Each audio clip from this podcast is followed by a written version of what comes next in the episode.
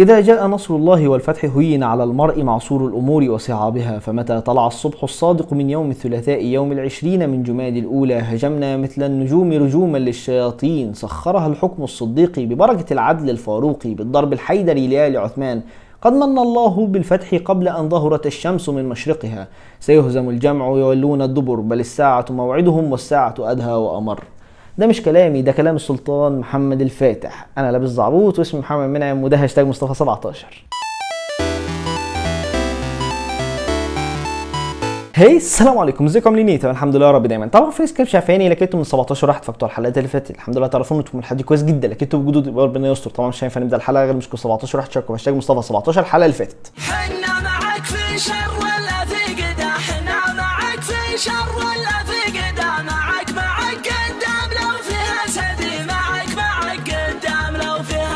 في عام 1939 بدأ السيزون الثاني من الحرب العالمية وكان ما بين دول الحلفاء ودول المحور. الحلفاء كان بيعتمد على الثلاثي الهجومي أمريكا وبريطانيا وروسيا، ولكن فريق المحور كان بيعتمد على ألمانيا وإيطاليا واليابان. وزيها زي أي بطولة كان لازم فريق من الفريقين يفوز، وبعد لما فاز فريق الحلفاء بالبطولة وغنوا والله وعملوها الرجالة راحوا يستلموا الجائزة اللي هي العالم كله. بريطانيا عشان كانت موجودة في أوروبا وكانت قريبة من أقوى الملاحم الحربية تضررت بشكل كبير، فما فضلش غير قوتين رئيسيتين في العالم، روسيا وأمريكا.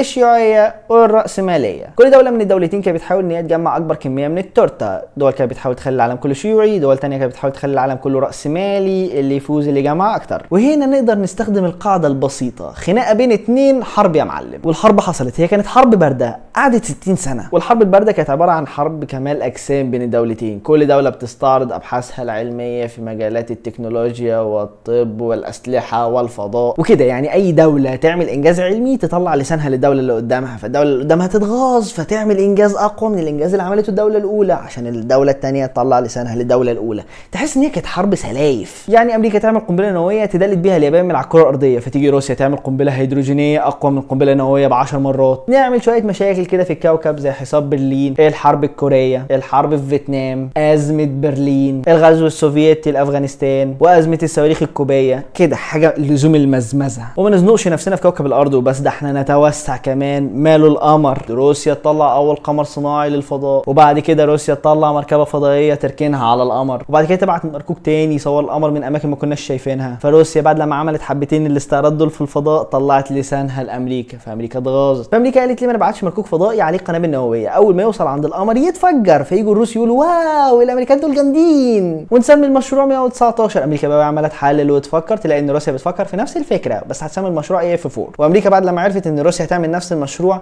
أمريكا قالت لا يا جماعة بلاش تفجير القمر فين الإنسانية؟ بس أمريكا ما عملتش كده من واجب إنساني أمريكا خافت خافت لأن روسيا طلعت أكتر من مرة مركوك فضائي للقمر.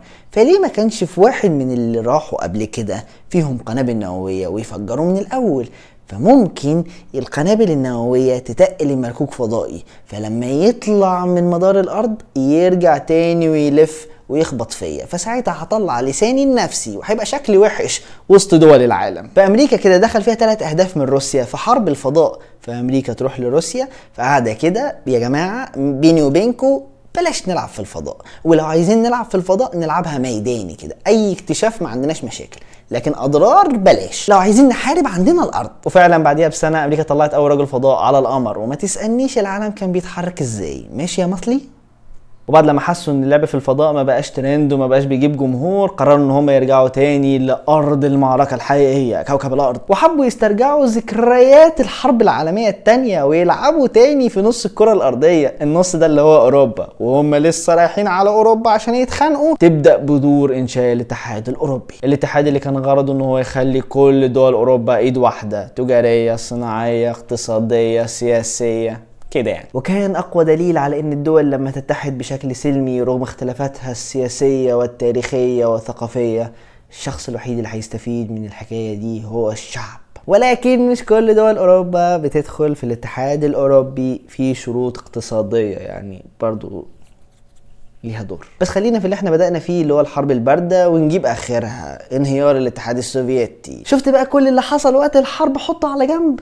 وهات لي بعد الحرب. أمريكا بعد ما انتصرت على الاتحاد السوفيتي في الحرب الباردة عملت فرح العمدة وجابت الرشاش البحث العلمي وفضلت تضرب أبحاث علمية في الهواء غرقت الكوكب أبحاث علمية. العلماء أيام الحرب الباردة كانوا ملزمين إن هم يفهموا اللغة الروسية واللغة الإنجليزية عشان ياخدوا أبحاث الروس ويترجموها ويفهموها وياخدوا أبحاث الأمريكان وبرضه يترجموها ويفهموها. فكان في لغتين هي اللي بتتحكم في كل حاجة بتحصل في الأرض. بس ما دام ما بقاش في اتحاد سوفيتي وابتكارات الاتحاد السوفيتي وفضلت أمريكا وابتكاراتها العالم كله ينقلب ويبقى باللغة الإنجليزية. اللغة الإنجليزية بقت مسيطرة على كل مجالات الحياة. اللغة الإنجليزية بقت هي لغة العلم. أغلب الجامعات في العالم كله بقت بتعتمد على اللغة الإنجليزية في التدريس. بقى الطالب لازم يفهم إنجليزي عشان يفهم العلم. بقى الطبيعي إنك علشان تستخدم أغلب الأجهزة الإلكترونية لازم تفهم اللغة الإنجليزية. بقى من الطبيعي إنك لازم تفهم اللغة الإنجليزية علشان تسافر. حتى لو مش هتسافر دولة اللغة الأساسية فيها هي الإنجليزي ولكن هتحتاج الإنجليزي عشان تقدر تتواصل معاهم كلغة مشتركة. الإنجليزي بقى مسيطر على كل حاجة. كل ده بسبب إن اللغة الإنجليزية بقت لغة البحث العلمي والتطوير. بس من الواضح إن في بذور لانتشار اللغة الألماني رغم صعوبتها علشان في أبحاث في مجال الميكانيكا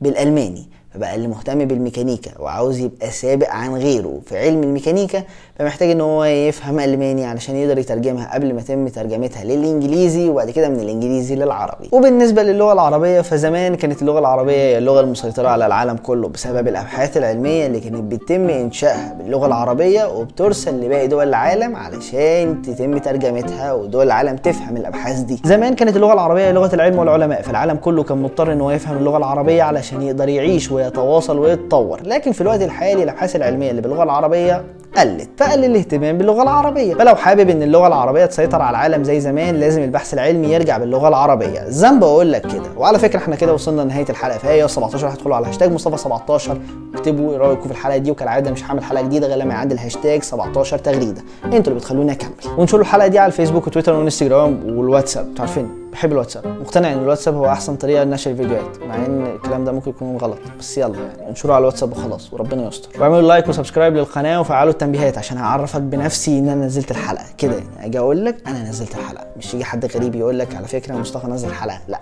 أنا بنفسي كده أقول على فكرة. خد التنبيه ده أنا نزلت الحلقة. وكان معاكم محمد منعم من هاشتاج مصطفى 17 سلام.